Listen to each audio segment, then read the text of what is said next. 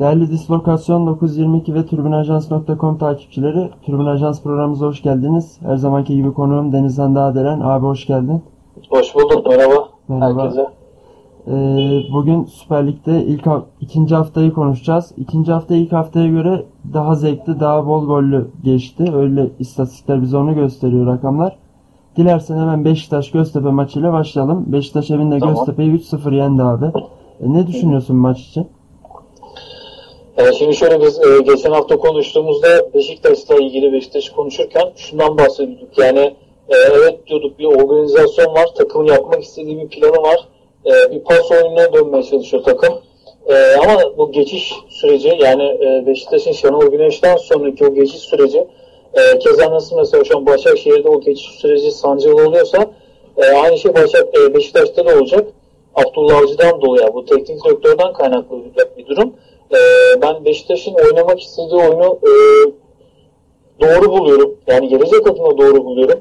E, Evet yani hani kendisi de söyledi bunu Abdullah Avcı. Bize zamandan daha çok e, destek lazım şu an. E, yani şey demeye getiriyor aslında hoca da hani e, evet bir zaman bir süreç işleyecek. Bu süreç işlerken de biz e, bir hani puan kayıpları da yaşayabiliriz. Başka şeyler de olabilir.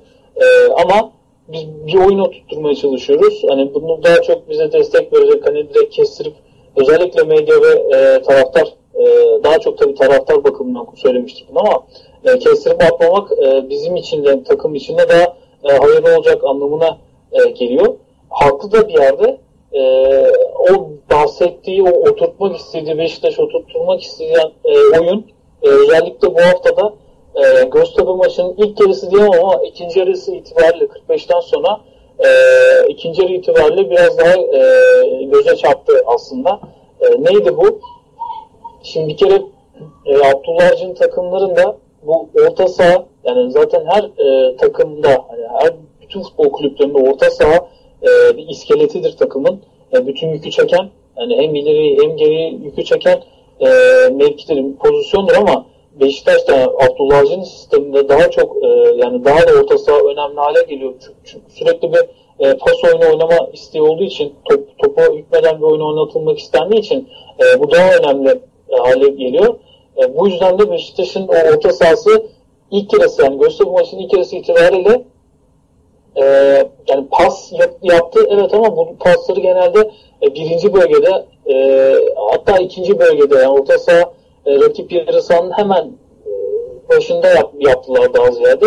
E, yani daha çok dikine oynanan bir oyunu izleyemedik. Paslar daha çok dikine değildi.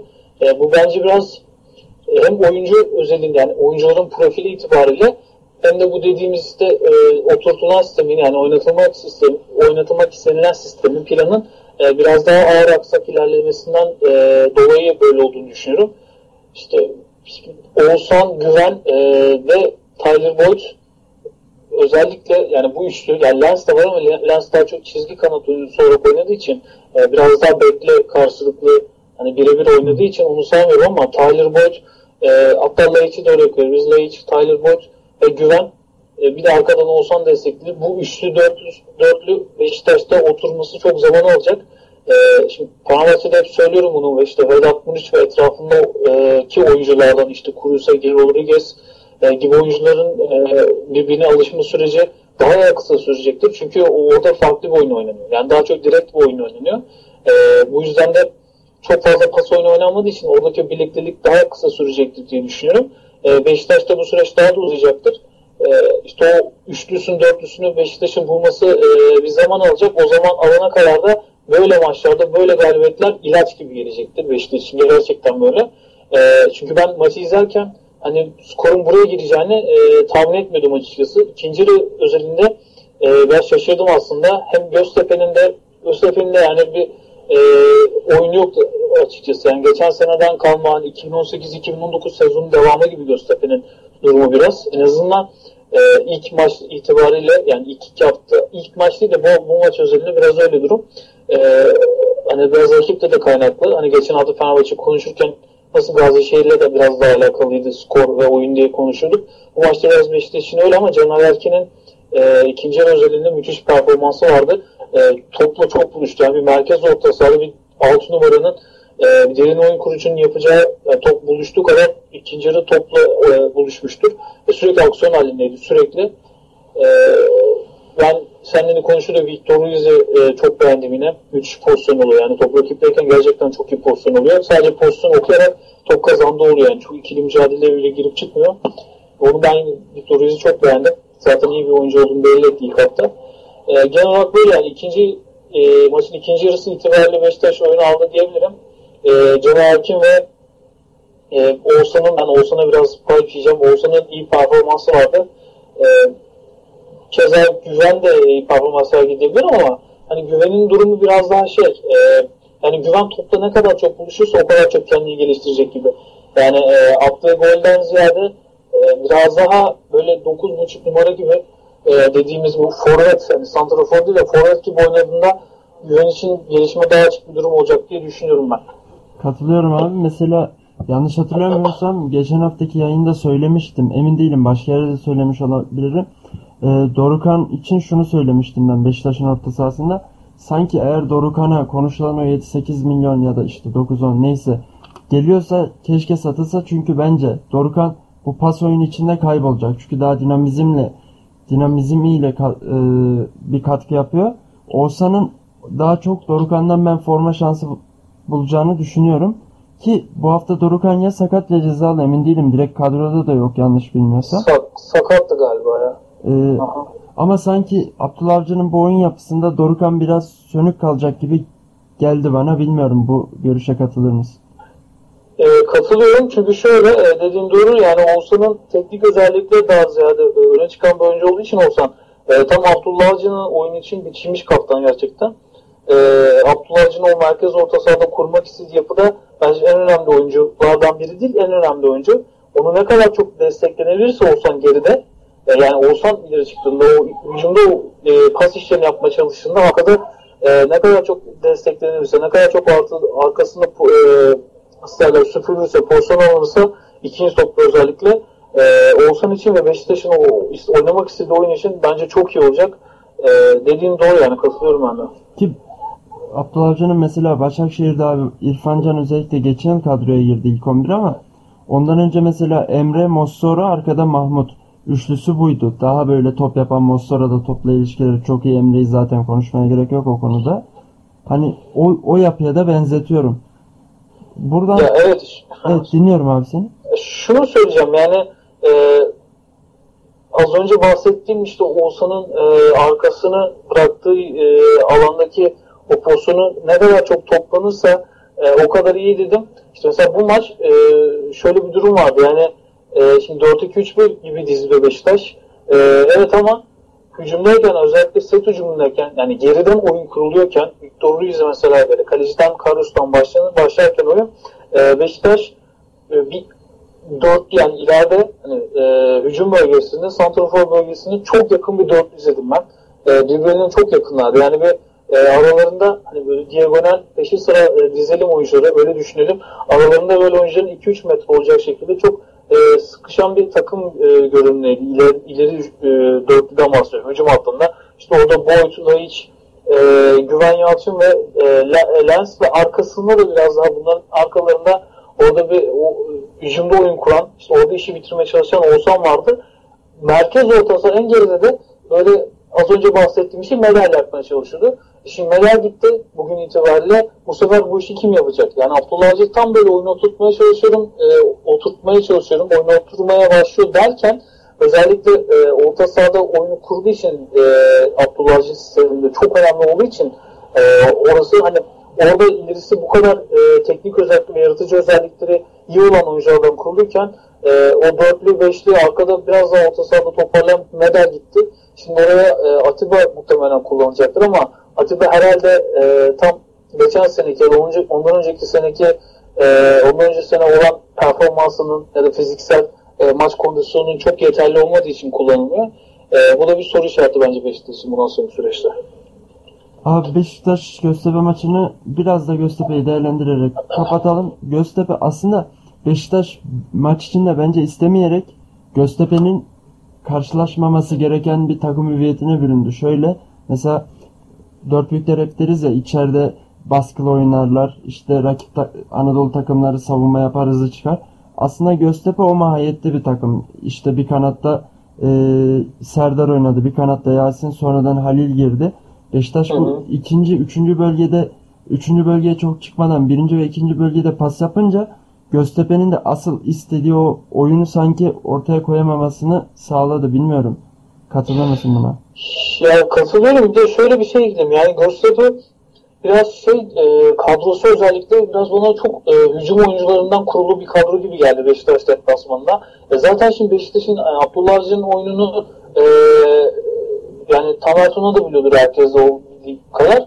E, yani orta sahada tutan daha ziyade pasyon yapmaya çalışan bir e, antrenör. Şimdi bu kadar çok hücum e, profilinde oyuncular oyuncuyla çıkarsan geri dönüşlerde özellikle geçiş oyunlarında biraz zorluk yaşarsın. Keza öyle oldu.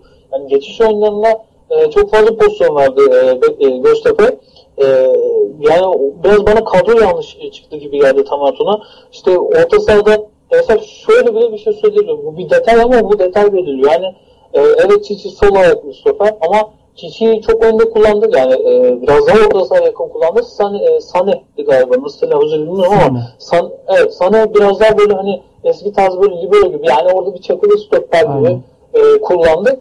Şimdi Sane çok fizikli özellikleri çok daha e, Çiçi'nin iki katı daha iyi. Yani özellikle topsuz oyundaki geniş alanda yakalandığında çok hızlı bir oyuncu.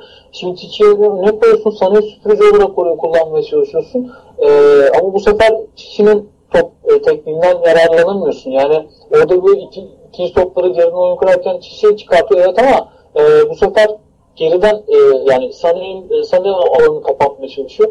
Ben orada bir değişikliğe gidebilirdi. Hani e, Çiçi, Çiçi'yi Sané yerine Sané'yi biraz önde kullanabilirdi. E, yani bu set hücumundayken bahsediyorum. Top Göztepe'deyken. E, onun haricinde çok hücumcu bir takım gibi geldi bana. Katılıyorum abi. Bir de mesela son bir şey söyleyeceğim. Deniz Kadah Eren'le çift gibi oynadılar. Biraz Deniz daha arkada ama Evet. sanki aynen. Halil Akpınar'ı oynatsa veya şu an yedekleri bakayım kim var başka Andre Castro mesela orta sahada mesela Castro Borges Poco da yapabilirdi. Evet sonradan girdi değil mi Castro? Aynen aynen. öyle. Oyuna sonradan girdi. Yani hani çift forvet aslında Eren'in Deniz'i de mesela araya koşu atan bir santrafor olarak göremeyiz. Eren de zaten hani bir pivot santrafor mahiyetinde. Hani sanki oraya ya orta sahayı güçlendirecek ya da ön tarafta bir hızlı daha oyuncu kullanabilirdi gibi geldi bana yani. Öyle düşünüyorum. Bence de öyle ya. Ben bence bu maç standartından yazar bu mağlubiyet. E, orta saha olmadan çıktı neredeyse. E, yani evet o belki pozisyon iyice öyle orijinal olarak orta sahalar vardı ama orta saha güçlendirmeden çıktı biraz. E, çok fazla hücumlu, çok fazla kanat oyuncusuyla çıktı. Beşiktaş'ın aslında orta saha aldıktan sonra işine geldi biraz. İlk yarı alamadı, ikinci yarı aldı ve skor açıldı. Aynen öyle. Katılıyorum abi ve şimdi buradan Başakşehir Fenerbahçe maçına geçelim. Haftanın en önemli maçlarından Geçelim biriydi. Ee, 2-1 Fenerbahçe geriden geldi abi. Güzel maçtı. Aslında gollere baktığında hani böyle net bir organizasyon golü var mıydı? Yok, yok. Yok. Aynen. Kaçan pozisyonlar daha böyle organizeydi özellikle.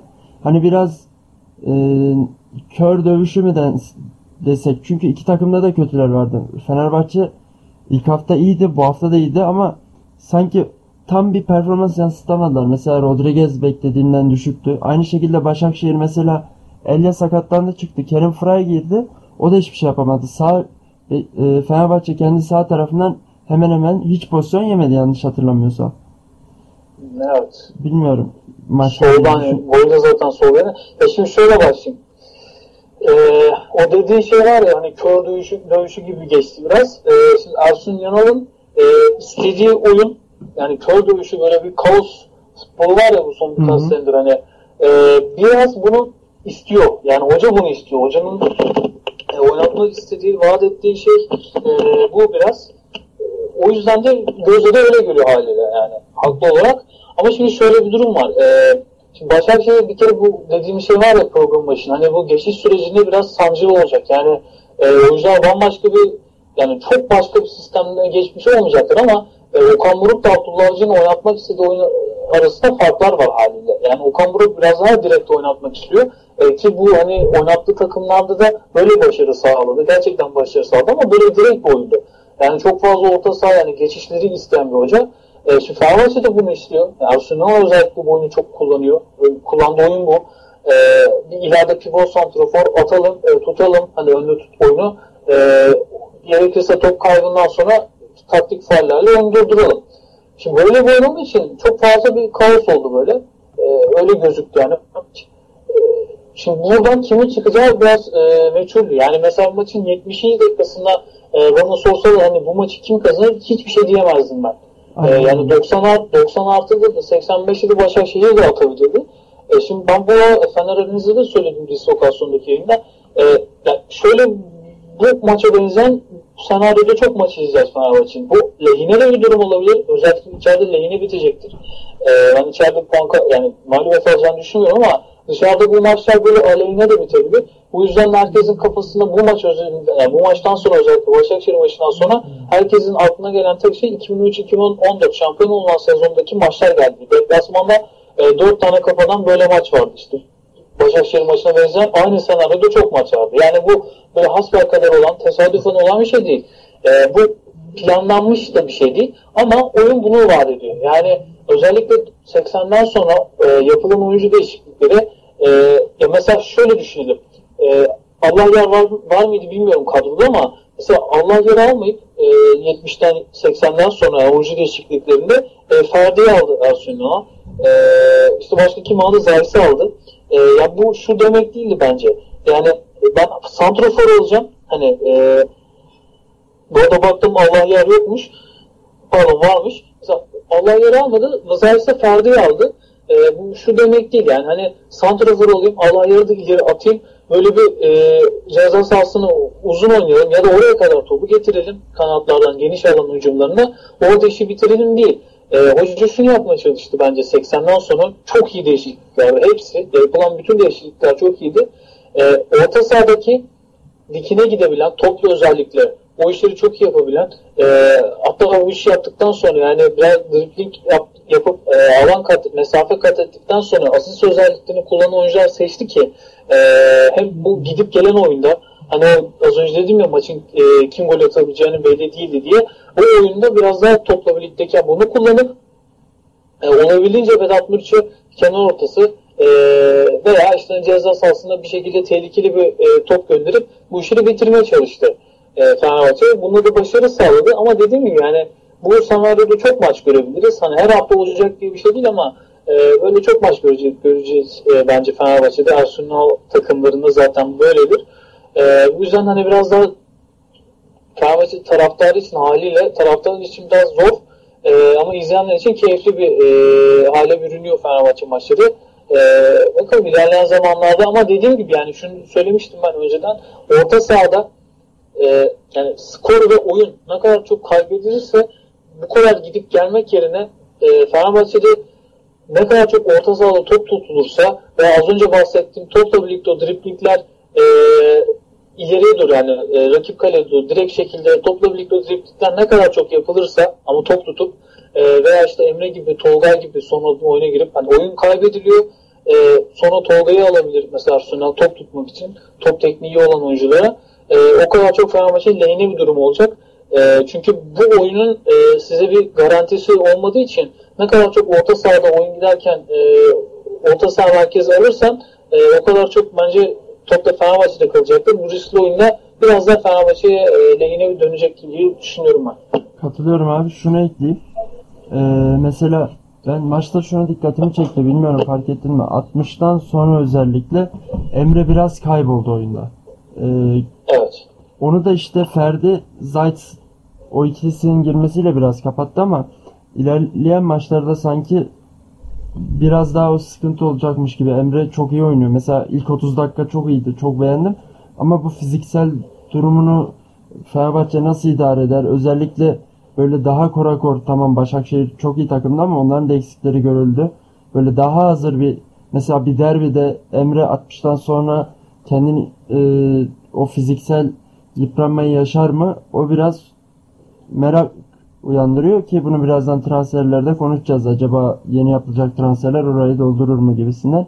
Bilmiyorum katılır mısın Emre? Üze- üze- Ya şöyle Emre özelinde şöyle e, şimdi dedin ya 60'tan sonra evet aynen öyle oldu yani. Oyun içinde de biraz yani oldukça topu ayağından çabuk çıkartmaya, hani o driblingi topla kat etme işini çok azaltmaya, minimalize etmeye çalıştı. E, ben hep şey söylüyordum yani bu e, e, Emre'nin ne kadar e, sürüyor yani ne kadar dakika oynayacağıyla alakalı. E, yani Emre bence 60'tan sonra özellikle hani bizim gördüğümüz oyundan koptuk gibi bir durumda bence onu bilerek yapıyor. Oyuncu o kadar tecrübeli ki yani futbolda o kadar e, aklıyla ve futbolda o kadar çok iyi bilerek oynuyor ki Emre e, o 60'tan sonraki süreçte biraz daha kendini böyle tam stoperlerin önüne hani e, regista tarzı dediğimiz oyuncu profiline e, yani o, o profilde oyuncular gibi oynadı. E, bu nedir? Hatta stoperlerin arasına girdi neredeyse. Biraz daha kendine böyle geri plan attı.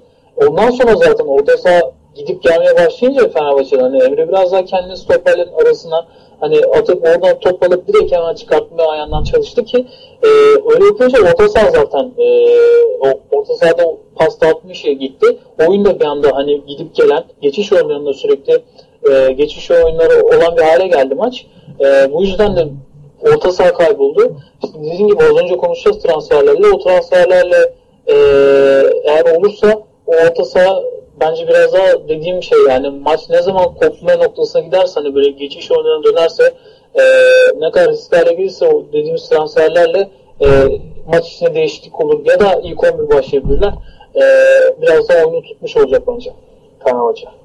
Hatırlıyorum abi. Şunu söyleyeyim. Sonra transferlere geçeceğiz. Ee, bu maçın özelinde aslında çok detaya girmedik. Çünkü Dislokasyon 922 kanalında Fener Analiz programında yeni Denizhan abinin maçla ilgili geniş detaylı analizlerini bulabilirsiniz. Evet çok tekrar tekrara düşüyor da onun için hani çok fazla detaya girip boğmak istemiyorum. Mesela. Aynen abi. Biz transferlere geçelim istersen hızlıca. Üçlü paket halinde hemen konuşalım. Adil Rami Tamam. transfer edildi. Şu an Adil Rami'nin dışında ismi geçen iki isim. Biri zaten Ben Arfa. Diğeri de Luis Gustavo ki Luis Gustavo'nun önümüzdeki hafta içi Türkiye'de olacağı iddia ediliyor. Biraz önce e, son dakika geçildi. A-Spor'da yanlış hatırlamıyorsam. Onu da belirteyim ve söz sende. Ee, ya şimdi şöyle e, Rami'den başlayayım daha taze daha yeni. Ya şimdi Rami e, çok fazla elit e, kulüpte oynamamış ama e, elit kulüplerin bir altında oynamış futbolcu çok yani. İşte bu Valencia, Sevilla e, hatta başladığı yer Lille e, Lille bile hani oynadığı dönemde, onun oynadığı dönemde en iyi seviyeliydi. Hatta zaten şampiyon oldu oynadığı dönemde yanlış hatırlamıyorsam 51 sene sonra. Şimdi şöyle e, Rami'nin teknik olarak yani stoper olarak tartışılacak bir tarafı çok yok. Evet yani e, eksiklikleri var mı teknik olarak bir stopere göre? Var. E, nedir o da işte biraz daha topsuz oyundayken yani top geniş alandayken e, Fenerbahçe o geçiş oyunlarında geçiş oyununda kontrol yakalandığında e, biraz daha yavaş kalabiliyor. E, hamle geliyor. Hamle yaptı oldu olmadı. Yani o, o oraya kadar ondan sonraki süreçte o hızını kullanamıyor. Çünkü çok yavaş bir oyuncu.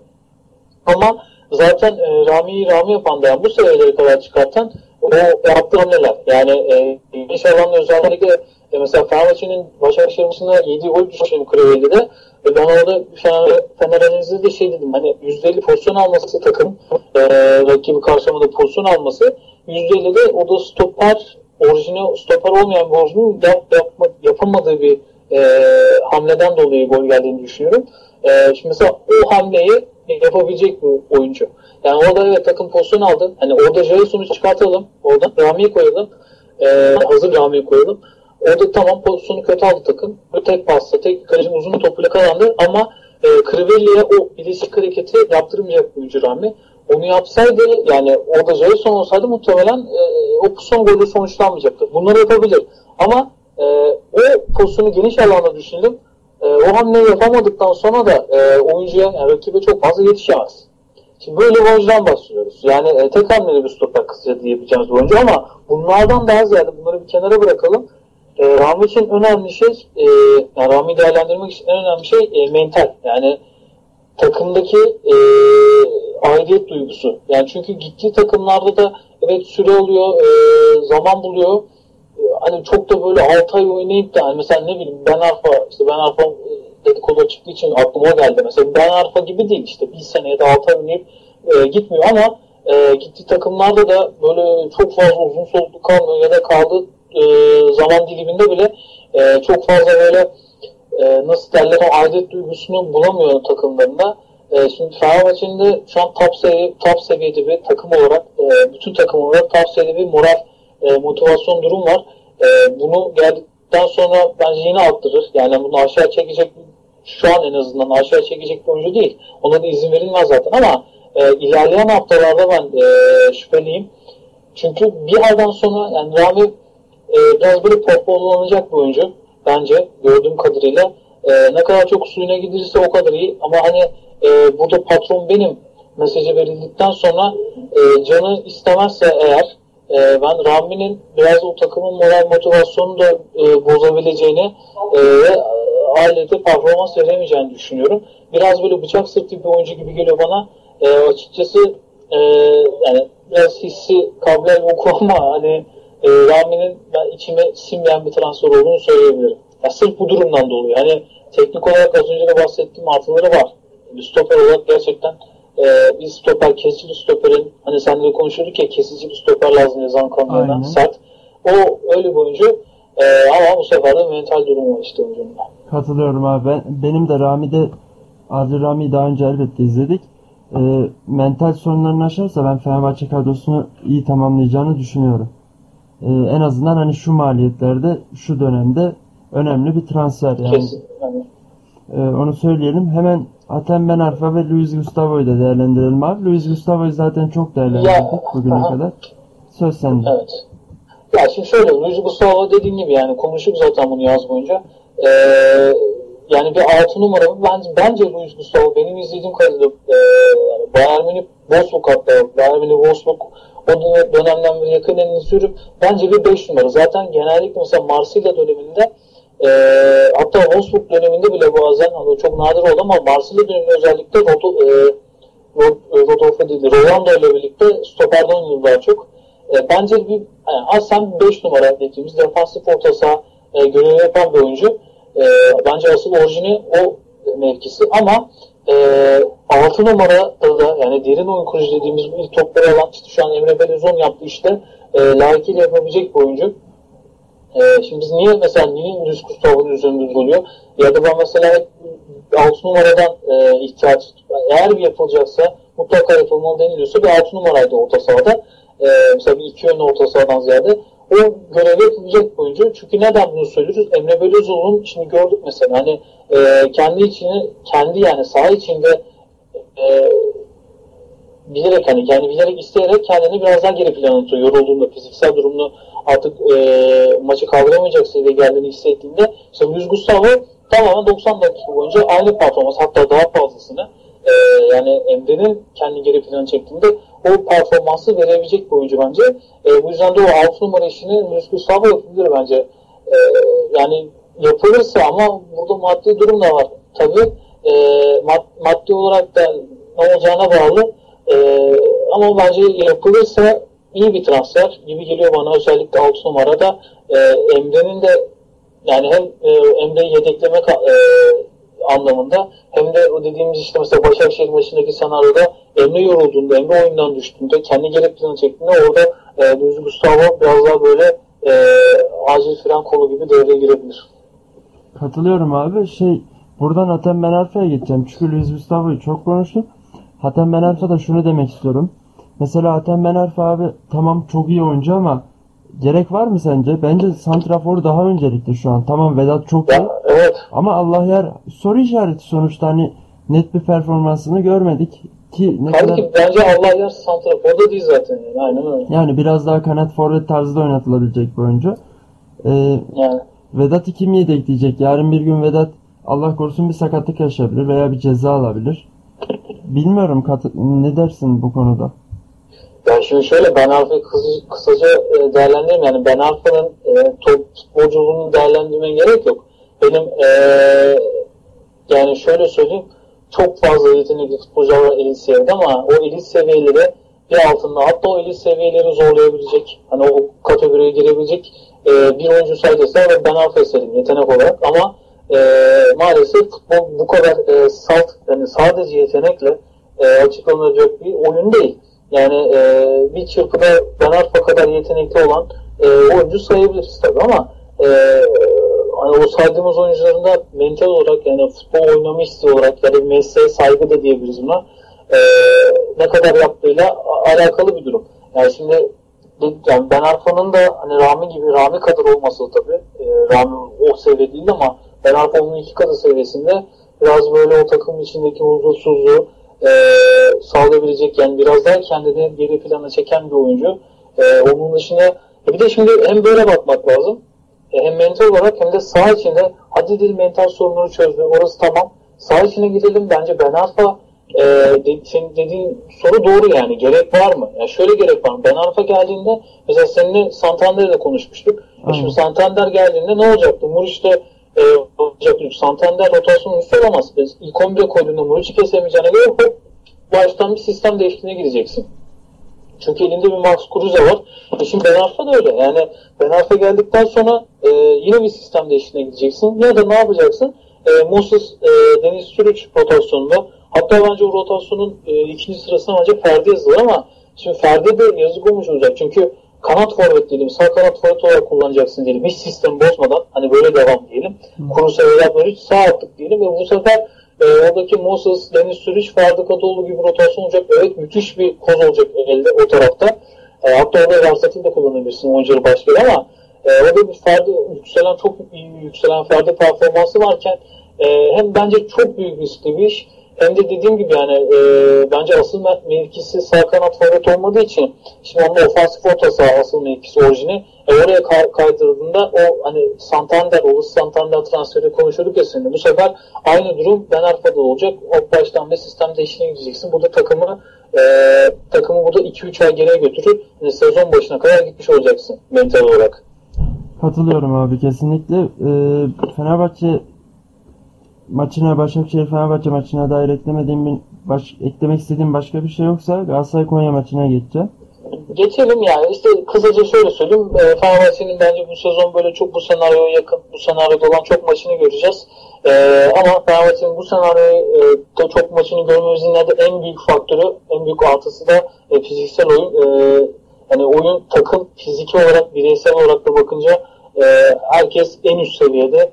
E, muhtemelen hani ben bunu önceden söyledim. Bu 34 hafta değil de bu senenin sonunda 2-3 haftada olsa Fenerbahçe o 2-3 haftada çok rahat götürecek fiziksel güce sahip. Şu an herkes en üst seviyede. Hatta biraz daha böyle bazı oyuncular en üst seviyede çıkıyor yani şu an fiziksel olarak, hız olarak e, %50'sini görüyoruz bence bazı oyuncuların, bazı oyuncuların özellikle.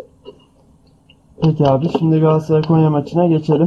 Ee, sürpriz bir sonuç oldu. Herkes Galatasaray'ın kazanabileceğini düşünüyordu. Ee, maçtan sonra özellikle Galatasaray'ın nezdinde oyuna çok büyük eleştiriler var ama ben özellikle o 5. dakikaya kadar bir Konya köşe vuruşları falan attı. Evet. 5'ten 60 arası Galatasaray bana çok şey vaat etti abi. Bilmiyorum katılır mısın deyip Kesin. sana bırakalım. Bence katılıyorum yani kesinlikle. Zaten e, yani gözü görülür bir oyundu. Hani dediğim gibi 4. 5. 5. dakikada çok fazla üstte korner kullanıldı. Oradan çıkamadı ama oradan sonra oyun aldı Galatasaray. E, ve bir baskı kurdu. E, özellikle kırmızı karta kadar ama e, ya şimdi şöyle bahsedelim. Galatasaray kötü mü oynadı? Bence kötü oynamadı. Ama e, yaratıcılık konusunda Şimdi işte futbol böyle bir şey yani ben buna tweet atıyorum sürekli yani ne kadar çok hücumcu olursan o kadar çok ne kadar çok golcü olursan o kadar çok gol atacaksın diye bir şey yok. Ne kadar çok organizasyon ise ve elinde e, yeterli seviyede e, o hücum organizasyonunu o e, bitiren işi, yaratıcılık seviyesi yüksek oyuncular varsa o kadar çok kârdasın demektir. Yani bence Galatasaray'ın yaratıcı, yaratıcı oyuncular olarak yani ileri hücumdan bahsediyorum, ileri hattan bahsediyorum. Bence yeterli seviyede oyuncusu var. Bu işleri yapabilecek yaratıcı oyuncuları var. Yani mesela yedekten giren, sonradan oyuna giren Jimmy Durmaz bile e, şutuydu, orta yapma yetisiydi. E, yani az abi yaratıcı bir kanat oyuncusu olarak bahsedebiliriz. E, zaten Babel'den bahsetmeye gerek yok. E, Fegoli'yi söylemiyorum bile. E, ama şimdi dediğim gibi bence kötü bir oyun yoktu Galatasaray için ama e, kapanan savunmayı yani şimdi rakibe göre maçı analiz etmek lazım. Her zaman söylediğim gibi ama şimdi Konya Spor ne oynadı? Konya Spor e, hani siz gibi geri dönüyor ya e, otobüs çekmekte gerçekten otobüs çekti. Yani evet ilk 5 dakika, ilk 5-10 dakika öyle bir görüntüsü yok takımın. Yani organize bir şekilde sıra, e, hani bildiğimiz bir Aykut Kocaman futbolu oynanıyordu. E, özellikle Konya Spor'daki ilk döneminden bahsediyorum. O futbola çok yakın bir futbol vardı. Ben hatta o maçın o ilk 5-10 dakikasında vardı dedim evet Aykut Kocaman takım hüviyetine bürünmüş e, Konya Spor. Ama e, ondan sonra bir otobüs çekme durumu oldu. Özellikle 45'ten sonra yani gole kadarki süreçte e, daha da çok onu gördük. Evet bir deneme vardı. E, Dikin o, o oyunda yani e, karşı kontra atakta o geçiş oyununu çok hızlı yapmaya çalışıldı. Ama o geçiş oyunda orta sahadan hiçbir destek yoktu. Tamamen e, bu organize kontra atak dediğim şey de e, tamamen işte Milosevic, e, Bajic ve iki kanat oyuncularından yani orada bir dörtlüyle yapılan bir organizeydi. Organize kontra atak e, planlanmıştı. Orta sahalar hiçbir şekilde çıkmadı. E, işte o aradaki süreçte tamamen bir e, otobüs çekme durumu vardı kalenin içinde. Zaten müthiş bir gömülü savunma izledik. E, sürekli atak süpürüldü sürekli ama sadece mesela ilk yarıda e, bu e, gömülü savunmada hani e, tek bir nasıl derler tek bir eksiği vardı takımın. Tek bir hatası vardı konusunda. O da Jacklin'in pozisyonu. Sarkan'ın kurtardığı ön direkte. Onun dışında bir pozisyon yoktu zaten. Ya, hatırladığım benim. E, işte şutu falan vardı ama onlar çok e, hani gol beklentisi olacak pozisyonlar değildi. Aynen. E, ya, e, demeye çalıştığım şey şu. Yani böyle bir rakibe karşı oynanıyor. Böyle bir rakibe karşı oynanırken de e, biraz statik kalmak e, daha ziyade ayağa top isteyip hani topla böyle bir hani 2-3 dribling yapmak, 2-3 kere topu dürtmek Konyaspor'un işine geldi. Zaten bu e, hani Türkiye Ligi'ne göre master seviyede yapan bu savunma işini, e, savunma yerleşim işini, top rakipteyken o e, rakibi karşılama işini master seviyede yapıyor Aykut Kocaman takımı özellikle. E, ekmeğini yan söylüyor aslında Konyaspor'un biraz Galatasaray. E, ikinci yarı itibariyle ne kadar e, tempo gibi arttırdığını, e, hatta pres gücünü ne kadar arttırdığını gördük. O statik halden de biraz çıkıldı. Biraz daha koşu yoluna pas yapıldı. Hatta bu arada öyle geldi biraz aslında. Enzonzi'nin direkt e, Divanel hızlı bir topunda değil mi? Asist yapmışlar. Aynen evet. abi. Yani tek bir pasta direkt e, oyun geniş açıldı. Hatta zaten Aykut Hoca maçtan sonra da söyledi. Yani golde e, gole kadar süreçte bir şey yoktu ama golde nedense bir anlık böyle bir tutulma yani sonma işi sonma yapmak çok zor bir iştir. Yani e, onun için bu Atletico Madrid'in e, Diego Simeone'nin oyunu e, el üstünde tutuluyor. Çünkü gerçekten yapılması en zor işlerden biridir top rakipteyken oynamak. E, şimdi orada bir dalgınlık, bir o e, kompakt oyun bozuldu. Bloklar arasındaki oyun bir anda takım gitti. Orada Galatasaray golü buldu. E, oyun geniş alanın açıldı. Şimdi bunu daha çok yapman lazım. Bunu yapmak için de hop dönüyoruz, dolaşıyoruz, orta sahaya geliyoruz. E, yani orada ismen yani oyuncu profil olarak e, biraz daha ya mesela seri Enzonzi bana e, açıkçası uymayacak gibi geldi. Bilmiyorum sen ne düşünüyorsun ama e, seri Enzonzi hani birbirlerine muadil diyebileceğimiz bir oyuncu değil. Ama özellikle e, mesela Konya Spor'a karşı Enzonzi ile başlamak bilmiyorum bana pek akıl kârı gibi gelmedi ki zaten hani Konya Spor e, biliyorsun hani çok fazla bunu zorlamayacak. O dediğim gibi o kontraları 2-3 oyuncuyla sadece yapmaya çalışan bir takım. E, geçiş oyunu çok fazla zorlamayacak bir takım olduğu için bence Enzonzi orada biraz fazlalık gibi geldi. Mesela orada e, hani Enzonzi'yi kaldırın oradan seri e, Feguli başlamak oraya onun yerine bir santraforla başlamak daha mantıklı gibi geliyordu bana ama tabii bitmiş bir oyun bitmiş maçtan sonra bunu söylemek daha kolay. Bilmiyorum sen ne düşünüyorsun? Abi şöyle Enzonzi hakkında özellikle. e, Enzonzi ya dediğin yapılabilirdi. Seri, seri e, geriye çekilebilirdi ama sanki bu, bu maç özelinde hatta geldiğinden beri seri çok formsuz. E, Enzonzi dün bence birkaç da önemli açık kapattı aslında.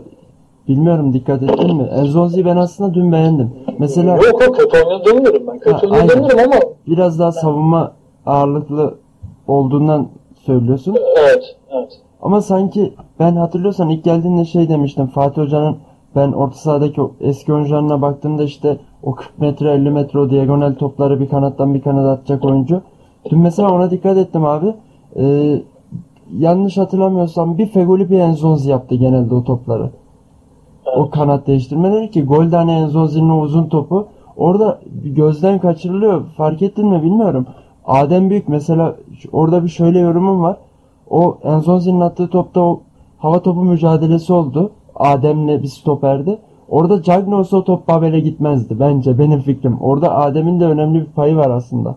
Var var zaten Adem oyuna girdikten sonra ya biz seninle konuşuyorduk galiba. Yani ben Aynen. şey diyordum deplasman e, deplasman takımıyla bir iç saha takımı yani hücum hattı özellikle. Orta saha çok değiştirilmez ama orta sahayı bulmak lazım çünkü. Hala bulamadığı için zaten Galatasaray böyle ama hani içerideki hücum hattında e, oynayacak oyuncular e, la deplasmanda biraz farklılık gösterebilir diye düşünüyordum.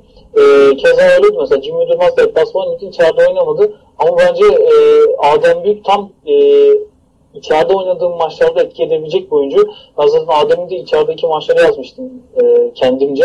E, ama bence Adem'i içeride kullanmak daha mantıklı çünkü zaten e, onları karıştıran bir oyuncu. Tam aslında Fatih Terim'in e, elinde parlayabilecek yani ya da onun istediği oyuna uyabilecek bir oyuncu. Mesela nasıl Muriç şu an Arsenal futboluna tam cuk oturduysa Adem de Fatih oyuna içeride özellikle çok katkı sağlay- sağlayabilecek bir oyuncu bence. Kesinlikle katılıyorum abi. Hatta Adem mesela ilk geldiğinde Mudat transferi gibi hani gereksiz görülüyordu. Bir şey yapamayacak deniliyordu ama benim hep yorumum şuydu. Diğer Anadolu takımlarının alınan genel o hücum hattı oyuncularına bakarsan geneli %90 hep öne önüne top isteyen oyuncular. Ama Adem onlardan daha farklı olarak dar alanda da iş yapabil, ya- yapabilen bir oyuncu olduğu için işte tam senin dediğin noktaya e, katılarak hep bunu söylüyordum. Yani Adem daha böyle Galatasaray oyununa yatkın bir oyuncu. Daha önceki transferlere bakılarak kanat transferlerine.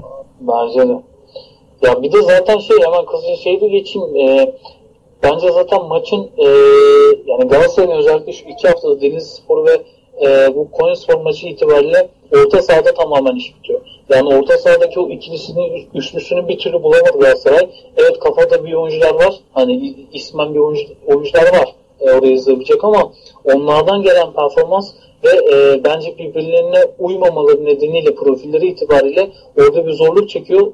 E, zaten o kadar orada zorluk çekmesi takımın tamamen yapısını değiştiriyor. Çünkü tempo yapamıyorsun, pas yapamıyorsun, orada bir yaratıcılık sağlayamıyorsun orta sahada.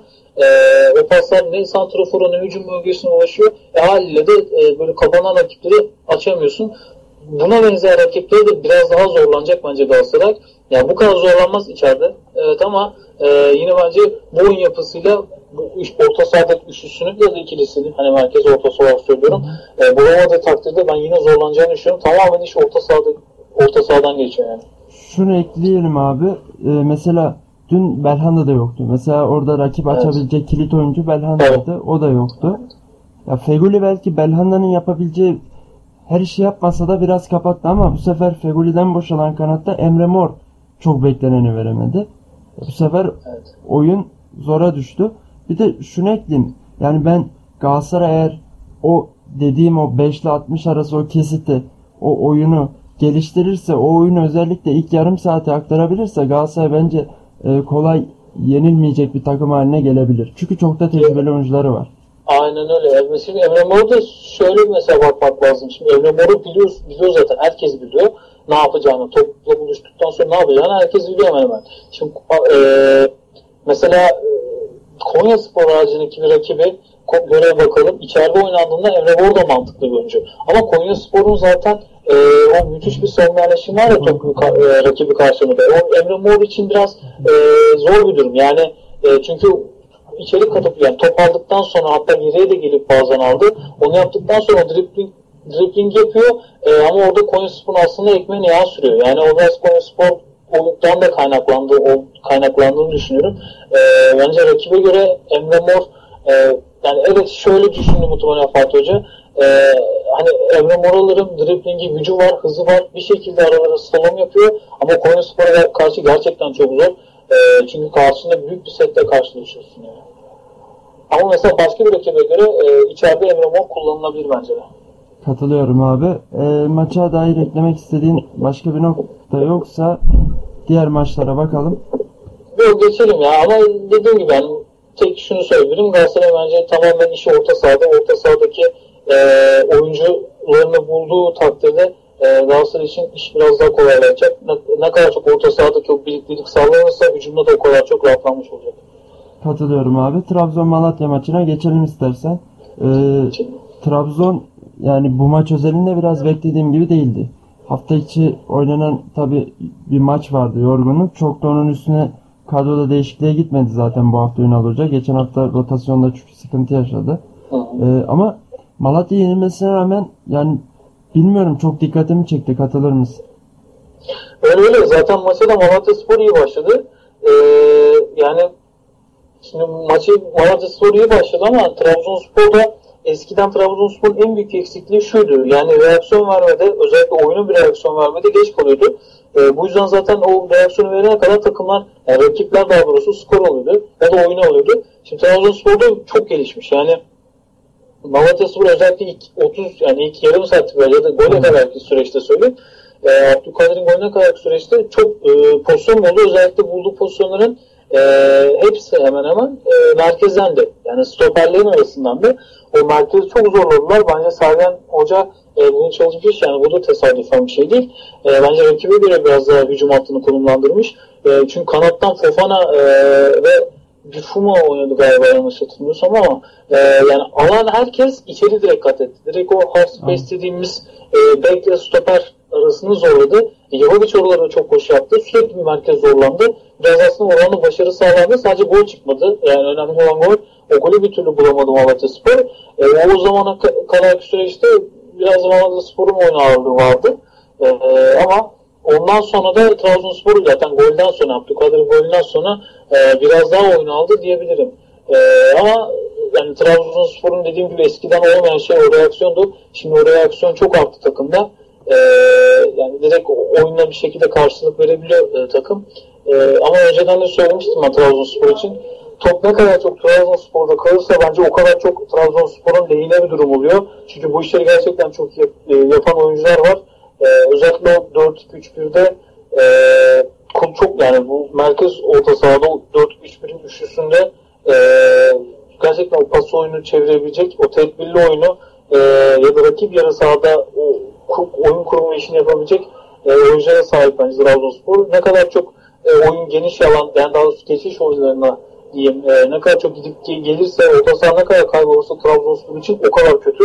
E, bu yüzden ben e, Fenerbahçe'nin e, hem haftayla şu maçıyla biraz değinmiş oluyorum Trabzonspor Fenerbahçe maçına. E, biraz Fenerbahçe'nin e, orta sahaya biraz daha yüklenmesi gerektiğini düşünüyorum. Bu Başakşehir maçında olan son 10-15 dakikalık ya da yarım saatlik süreçte e, mesela Trabzonspor e, Başakşehir gibi e, o geçiş oyunlarında değil de o orta sahayı aldıktan sonra sürekli bir e, atak haline e, sürekli bir aka, e, hücum akışını akışkan haline getirebilir orta saha aldıktan sonra. O yüzden e, Fenerbahçe'nin hani ne yapıp edip orta sahada aldıktan sonra direkt e, yani rakip yarı sahaya topu göndermesi lazım e, diye düşünüyorum ama Malatya Spor maçı özelinde de e, yani zorlandı Trabzonspor. Evet ama e, ben mesela bireysel olarak kimse bence öne çıkmadı çok fazla. E, ama iki senedir e, ya da bir buçuk senedir e, oyun e, ezberi biraz daha Trabzonspor 3 puanı getirdi diye düşünüyorum. Ama kazanmak da bu tür maçları kazanmak, zor başladığın mücadeleleri kazanmak e, biraz daha işte hem oyun ezberi e, hem de Trabzonspor'un e, oyuncularının bu oyunu biraz daha uymasından dolayı kaynaklandığını düşünüyorum yani. Katılıyorum abi. Bu maç üzerinde son bir şey konuşacağım. Aslında maç özeli değil ama Ekuban abi. Ekuban mesela hafta içi de çok iyi oynadı. Şimdi Hı hı. oraya Stariş takviyesi yapıldı. Ekuban çok iyi ama Ekuban'ın birkaç kademe birkaç tık daha üst seviyede bir futbolcu geldi. Aslında benzer işleri yapabilecek futbolcu daha iyilerini. Yani Staric'in katılımıyla o ön alanı nasıl buluyorsun? Yani Sörlot mu kesilir yoksa o Ekuban mı oradan kesilir sence? Ee, ya ben şu, bu durumu şeye benzetiyorum. Ee, Beşiktaş'ın 2015-2016'da işte Mario Gomez gelmişti. Sansasyonel bir transfer olmuştu. Mario Gomez geldi. Ee, ama lige e, Şenol Güneş Cenk'le başlamıştı. Cenk de böyle e, şimdi e, sayıda yanına olabilirim ama rakamda böyle bir ilk 3 haftada 5 gol gibi bir şeyle başlamıştı. Mersin deplasmanı ahitlik falan. Aynen. Ondan ondan sonraki süreçte Gomez yavaş yavaş böyle takıma katılmıştı. Ee, direkt yani Gomez'i koymuştu hatta e, Şenol Güneş. Şimdi Ünal Karaman da o durumu böyle idare edebilir diye düşünüyorum. Ee, biraz daha böyle bir iki haftalık süreçte işte Ekuban'la Sorlot'la devam edilebilir. Ee, hani skor olarak ya da mesela çok büyük bir e, mental olarak işte bir problem olur yani saha içinde. İşte çok büyük pozisyonları değerlendiremez. Atıyorum işte yani şu an farazi konuşuyorum ama işte Ekuban'la Sorlot çok büyük e, gol beklentisi olan pozisyonunu değerlendiremez bir şekilde. Ondan sonraki süreçte Sturic'e forma verilir. Ama ben e, özellikle işte Fenerbahçe maçı ve milli takım arasından sonraki e, maçı da bir deneyebilir. Milli takım arasından sonraki maçı bilmiyorum. Hani onu dener mi ama özellikle Fenerbahçe maçında Ekuban, e, Sorlot e, ikilisinden ya da o ikiliyle başlayacağını düşünüyorum Ünal Karaman'ın. Yani biraz daha o Beşiktaş'ın Şenol Güneş dönemindeki o duruma biraz daha benzetiyorum. Öyle kullanabilir süreci. Yani öyle idare edebilir bence. Katılıyorum abi. Ee, dört büyükleri değerlendirdik. Şimdi biraz da Anadolu maç Anadolu takımlarının maçlarını konuşup programımızı kapatacağız. Ee, dilersen hemen Alanya Alanya Spor Kasımpaşa maçıyla başlayalım. Alanya 4-1 kazandı. Alanya ile başlayalım evet. 4-1 kazandı ama kazanmaktan daha çok yani 4 gol olmasa 1-0'da kazansa o maç Alanya nefis nefis bir oyun oynadı. Harika bir oyun oynadı. Ee, bilmiyorum ne düşünüyorsun bu maç üzerinde? Şimdi Alanya ve Yeni Malatya Spor üzerine zaten birkaç e, bir şeyler söylemek istiyordum. E, şimdi şöyle, e, bir kere Alanya Spor'un ben maçı izlemedim ama sonra oturup e, 90 dakikasını izledim merak ettim. Çünkü bütün hafta da iyi bir oyun vardı Alanya'da. E, bir kere takım da e, iki senedir bu Malatya Spor için de geçerli. E, kötü yapılmış hiçbir transfer görmüyorum ben. Yani bunu istediğiniz ekleyebilirsiniz. Ozan'ı ekleyebilirsiniz. E, Papisis'i ekleyebilirsiniz. Junior Fernandez'i ekleyebilirsiniz. E, yani hiçbir bu kötü bir transfer denilen hiçbir oyuncu olmadı.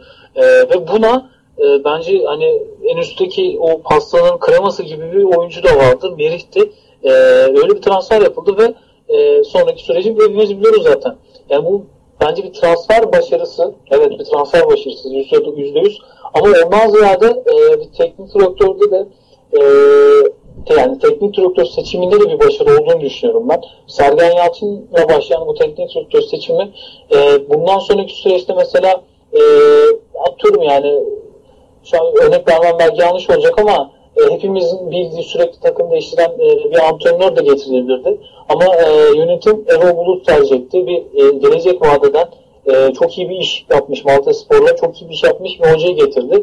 Bence burada yönetimi te- tebrik etmek lazım. Hasan Çavuş özellikle.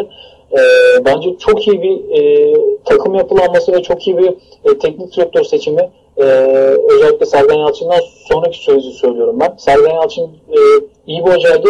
E, biraz düşeş geldi. Hani takım da iyiydi yani. O anlamda düşeş geldi diyorum. E, ama ondan sonraki süreci aslında mesela idare etmekte. E, bence ondan sonraki süreci de çok iyi idare etti yönetim. Erol Bulut'u getirerek. Yani Spor gerçekten saha içinde oynayan herkes bir kere takım çok hızlı. Onu söyleyebilirim. İnanılmaz hızlı bir e, yani hani ok gibi fırlıyor denir ya takımda. Herkes öyle. Yani oyuncuların özellikleri de profil itibariyle hepsinin evet öyleler. E, hızlı oyunculardan kullanma. E, bu hızlı oyuncuları kullanmak da biraz orta sahadan geçiyor. Orta saha ne kadar çok onları besleyebilirse o kadar çok hızlarını kullanabilirler.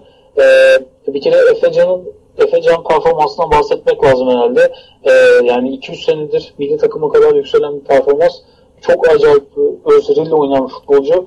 E, yani hani teknik olarak şimdi bahsedemem oyuncudan ama e, ben çok özveriyle oynadığını düşünüyorum açıkçası. Yani istediğiniz yere koyabilirsiniz bence orta sahada. Her yerde aynı performansı sağlayabilecek oyuncu. Sağ vasatın altına falan da düştüğünü görmedim ben. Ama Alanya Spor'u hani maç özelinden biraz çıkamam, çıkacağım ama hem yönetim olarak iyi idare edildi transferlerin çok iyi olduğunu düşünüyorum ben. Ee, işte Bakasetas'lı, Papisisi de mesela keza e, çok iyi bir transfer. O da mesela riskli bir transfer normalde. Hani baktığınızda riskli bir transfer diyebilirsiniz ama yani Papisisi de çok iyi uydu oraya. Gibi bir durumdan bahsedebiliriz. Maç özünde de e, Kasımpaşa'yı gerçekten sildiler bence. E, yani ilk bir yarım saatlik süreçte çok maç temposuz gitti gibi duruyor ama e, bir vites attırdı Alanya Spor. Ondan sonra zaten skor aldı. E, özellikle mesela Bakasetas'ın ben golüne değineceğim. O golde mesela ok gibi fırlıyor gerçekten takım. Bir geçiş oyunu, bir kontrol atakta hemen golü buldular. E, hatta Efecan orada da mesela kafayla o da e, şut çekebilecek bir pozisyon işte bir kontrol yapıp göğüs kontrolü sonrası şut denilebilirdi ama orada kafaya çok güzel önüne indirdi Bakasetas'ı. O da çok güzel bir e, bitiriş yaptı. E, böyle bir süreç yani maç özelinden çıkıp ben biraz Alanya Spor'un gerçekten e, ve Malatya Spor'da e, bahsetmek lazım. E, Malatya Spor'da da buna 3 aşağı 5 yukarı aynı şeylerden bahsedeyim. Tekrar düşmesin ama e, özellikle bu iki kulübün gerçekten çok iyi yönetildiğini düşünüyorum. Bundan sonraki süreçte e, bakmak, görmek, beklemek lazım ama e, hani en azından şu birkaç senelik e, durumu mükemmel kullandığını e, yönetildiğini düşünüyorum. Arada Alanya Spor'un yine vardı işte e, özel teknik direktör oyuncu olarak değil de antrenör olarak e, birkaç yanlış hamleleri vardı ama şu an mesela iyi yolda. E, keza Malatya Spor'un da ben e, bir sportif direktörle çalışmasının e, çok e, onlar için avantajı olduğunu düşünüyorum. Çünkü iyi bilen e, network'ü e, network ağı iyi olan bir futbol direktörü olduğunu düşünüyorum. Yani getirdiği oyuncular da öyle. E, Ali Ravcı'ydı galiba yanlış bilmiyorsam. E, network, network'ü iyi olan bir futbolcu gibi bir sportif direktör belli ki. E, çünkü mesela Aquayalılar benim çokça izlediğim bir oyuncu. Çok fazla izlediğim bir oyuncu. E, ben Aqua'yı görünce bayağı şaşırdım. Yani o Aqua'yı oradan buraya getirmek büyük iş. Hani tebrik etmek lazım. Bu tür transferler e, zarar getirmez size. Tam tersi yararınıza, kulübün yararına olur yani. Katılıyorum Niye abi. u- uzattım biraz ama. Yok sıkıntı değil abi.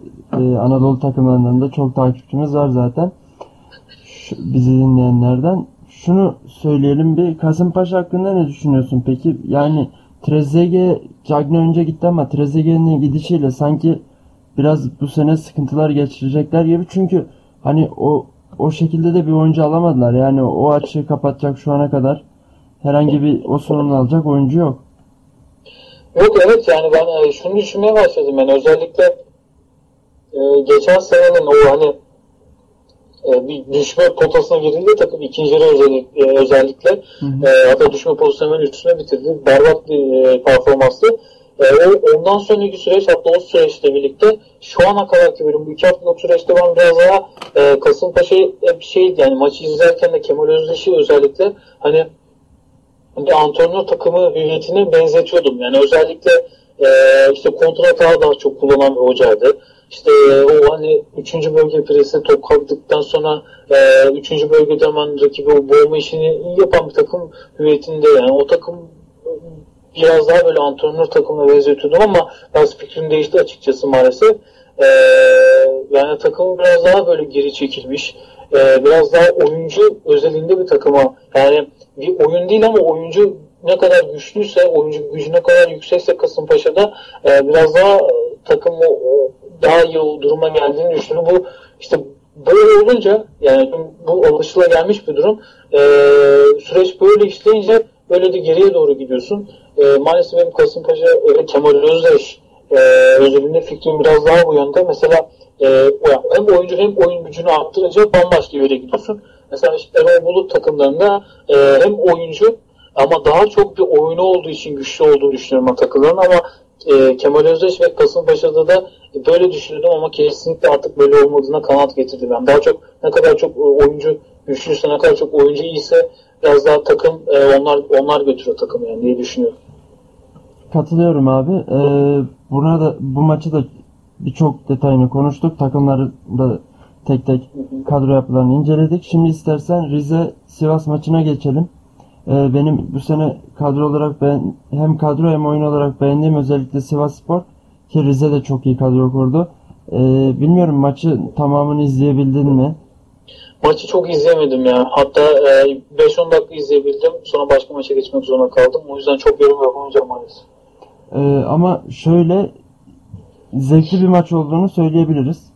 Hı hı. Ee, iki takımın da çok iyi kadro kurduğunu ki e, korakor bir mücadele geçtiğini görüyoruz.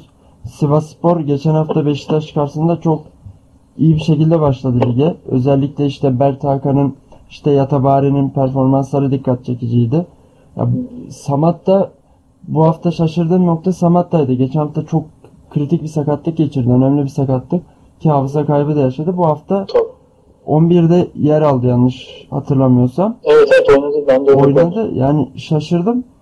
Ee, 2-1 de bitti maç. Ee, bilmiyorum yani izlediğin kadarıyla var mı herhangi bir yorumun maçla ilgili? Ee, yani yanlış olur şimdi yorum yapmam ama ben e, Rize'nin geçen haftaki Gençler Birliği maçını izlemiştim. Ee, biraz gidip gelmeli bir oyunu vardı ama dediğim gibi İsmail Kartal geçen hafta da söylemiştim. İsmail Kartal e, bu şey için yani 3. bölge presini çok iyi yaptıran bir hoca. Daha Rize'ye onu aşılamak istiyor. Eldeki oyuncularda ona ne kadar ayak uydurursa o kadar iyi aslında Rize Spor için. Yalnız şunu Yani onu, onu gördüm yani takımda. yani şunu ekleyeyim abi İsma mesela Sivas daha hücuma yönelik oynadı. Yani Rize biraz daha kompakt oynadı. Şuna değineceğim. Rize'de Melnyak sol bek Morozov, sağ bek. Abi nefis transfer. Kim yaptıysa yani özellikle. Yani Manyak özellikle ben Manyak'a gerçekten hastayım. Müthiş bir transfer ya. Aynen harika bir transfer ki daha yaşı 26. Ki Evet. bonserviste elde edilebilecek e, bir Yani oyuncu. tam bir tam bir hücumcu bek ve öyle hani e, atıyorum yani işte Dinamo Zagreb'den falan da o profilde takımlardan alınmış bir oyuncu da değil yanlış bilmiyorsam. Böyle çok garip bir takımdan alınmıştı Slovenya'da, Slovakya'dan ama çok iyi bir e, scout transferi diyebilirim ben buna yani. Çok iyi Onu- bir hücumcu bek. Domzali'den gelmiş abi Rize. Ha, değil mi? Öyle bir takımdan Aynen geldi. Domzali'den gelmiş. Onu belirtelim. Ee, bu maçla ilgili pek konuşacak bir şeyimiz yok. İnşallah önümüzdeki hafta bu takımlara daha çok değineceğiz ve şimdi son maçımız Gazişehir Gençler Birliği. Yani Evet. geçen hafta Fenerbahçe Gazişehir'i yendi ama Gazişehir çok kötü demiştik işte Fenerbahçe için bir e, test olamaz demiştik. Bu hafta da Gazişehir için bir test olamaz demiştik. Aynen öyle. Gençler öyle. 9 kişi kaldı çok erken. Ee, bilmiyorum ne düşünüyorsun maçla ilgili? Ya şimdi şöyle ben maçı e, sana tanesi yapmıştım. Son yarım saati sadece izleyemedim. O 60 dakikalık bir saatlik süreçte ya maç 3-0 iken ben 3-0'a kadar izleyebildim. E, şimdi bir kere Gençler Birliği'nden başlayayım. Geç, geçen hafta e, seninle konuşurken Gençler Birliği'nin saha dışındaki bu sertliğinden bahsediyordum. E, yani görülen iki kırmızı kart Gençler 9 kişi kaldı orada bilmeyenler için. Görülen iki kırmızı kartta böyle saha dışındaki bir agresiflikten dolayı değil. Yani o agresif bir sertlik saha dışına çıkmadı. Pozisyondan dolayı görülen bir kırmızı kart ama e, hala da tekrarlıyorum geçen hafta da çokça vardı. Yani hani e, o 9 kişi kaldıktan sonra bile çok fazla böyle itiraz var. Yani çok fazla takım saha dışına yani oyuncu oyun dışına çok fazla çıkıyor. E, yani bilmiyorum hiçbir uyarı gelmiyor kenardan. E, yani oyuncular hiçbir bir şekilde hani uyarılmıyor. Hani biraz daha sakin olun gibisinden. Bilmiyorum ama böyle Gençler Birliği'nin yani çünkü buna sen eğer e, bunu seçiyorsan demek ki bir oyunun yok ve oyununa güvenmiyorsun. Kadrona ya da kadro kalitesine güvenmiyorsun e, gibi bir durum var. Yani çünkü e, ben geçen hafta da söylemiştim hani çok fazla kırmızı karta yönelik oynuyor Gençler Birliği. Çok riskli oynuyor. E, biraz daha onu azaltması lazım diye bu maçta da gördük. iki kırmızı kart. E, evet ikisi de pozisyon icabı- icabı. Bununla nedeni e, Gençler Birliği savunmayı çok önde kurdu bu maçta. E, geçen hafta bunu çok görmedim ama geçen hafta bunun sinyalleri vardı gerçi Rize maçında. E, ama bu maç üzerinde savunmayı çok önde kuruyor. E, şimdi Gazişehir'in de ileri hat yani hücum üçlüsü ileride çok atik yani atletik oyunculardan çok fazla boş koşu atan sprint e, koşusu yapan oyunculardan kurulu. E, bir de bu da senin savunma hattın yani stoperlerin de dahil olmak üzere Zargotur ve özellikle e, el vermedi. Yani bu oyuna bence uymayan oyuncular olduğu için biraz böyle e, rakibe yağ sürdü oyununa. Çok fazla savunma çizgisi öndeydi. E, çok önde değildi belki orta sahaya yaklaşık değildi ama bir e, yani Gazişehir'in hücum hattına e, işine yaramayacak e, kadar öndeydi diyebilirim. E, oyuncular da yavaş olunca savunma arkasına atılan her top pozisyonu oldu. E, zaten iki kere oldu bu. İkisinde de e, kırmızı kartı gördü. Özellikle ikinci kırmızı kart e, netti bundan dolayı kaynaklandığını düşünüyorum ben Gençler Birliği adına. Gençler Birliği bence bu oyun kurması lazım. E, bu de, derin de, yani defans çizgisini biraz daha derinde kurması lazım. E, yani Konya Spor bunu boşuna yapmıyor Aykut Kocaman. Hani o kadar yapılsın demiyorum. Hani onu bilemem ama en azından de, e, oyuncu profiline bakılır defans hattının. E, o profillere göre de defans kurgusu yapılır. Bence e, biraz daha Mustafa Kaplan'ın teknik direktörü maalesef yazan bir durum bu. Ee, zaten 9 kişi kaldıktan sonra senin de dediğin gibi bir test maçına yani test maçından çıktı iş. E, 9 kişi kaldıktan sonra özellikle ikinci yarı çok fazla rahat bir maç oldu e, Gazişehir için. O yüzden yine bir şey söyleyemeyeceğiz Galatasaray için. Yani senin dediğin gibi geçen hafta da bir şey söyleyemedik. E, bu hafta bir şey söylemedik ama e, ilk kırmızı karta kadar özellikle Gençler Birliği'nin bir oyunundan bahsediyoruz. Yani hücum hattı en azından e, bir genişlik kazandırıp sürekli bir orta deneniyordu. Sürekli bir direk ortası deneniyordu. Sürekli yani orta sahada alınan her top e, kanala doğru e, gönderildi. Orada iki birler yapıp bekleri özellikle kullanıp e, sürekli bir kenar ortası arandı. Çok da tehlikeli oldu aslında. Bir iki pozisyonu vardı ama işte bunların dönüşünde bir uzun top savunma çizgisi çok önde. Arkaya seken top ve kırmızı kart zaten maçında e, kilidi olmuş çözülmüş oldu aslında. Abi şunu ekleyeceğim. Gazişehir'de e, iki isim var benim dikkatimi çeken daha önce analiz yaptığımız sitede. Birisi Kayode, di- diğeri de Süleyman Diarra. Süleyman Diarra hakkını teslim edelim. Serdar Kelleci, A-Spor yorumcusu. Çok uzun zamandır izliyor ve tavsiye ediyor kendisini. Daha 24 yaşında Lens'ten alındı. Ee, önemli bir potansiyeli var. Coyote'yi de ben daha önce izledim 5-6 maçını. Shakhtar'da da geçen yıl oynadı. Ee, 4 kez 11'e çıktı. Yine o da önemli potansiyel. Potansiyel. Bir de Tuhmasi. Patrick Tuhmasi özellikle As Astana Galatasaray eşleşmelerinde çok Evet. fark yaratmıştı. Ki 2017-2018 sezonunda Astana'da 14 maçta 10 gollük 2 asistlik bir performans vardı. Aslında Galatasaray'ın eğer takım olabilirse önemli isimleri var. Güray da var yine Güray Vural da e, önce bir gol attı yani. hem Kayseri'de hem Akhisar'da çok önemli performansı var. Yanlış hatırlamıyorsam Akhisar'da e, Okan Hoca zamanında vardı diye hatırlıyorum. Emin değilim. O ara Kayseri'ye Vardı, gitmişti. Yok yok vardı. Okan Hoca zamanında da vardı. Ee, geçen sene de vardı. Tabii geçen sene de oynuyordu. Aynen. Aynen. Geçen sene de vardı. Okan Hoca zamanında yokmuş abi bu arada. Onu teyit ettim. Şu Yok an. Yok. Okan Hoca zamanında yokmuş. O ara Şumudika'nın kurduğu Kayseri'deydi. Kayseri. Aynen. Yine Galatasaray'ın hocası. Ee, bu maçı da bitirdik. Şöyle bakıyorum notlarıma herhangi bir şey var mı? Eklemek Ha, istediğim bir şey var mı? haftaya güzel? Yok haftaya güzel maç izleyeceğiz galiba. Onu e, detaylıca konuşuruz zaten haftaya olan maçı. E, ama maç özelinde yani bu hafta özelinde pardon e, güzel bir hafta izledik bence.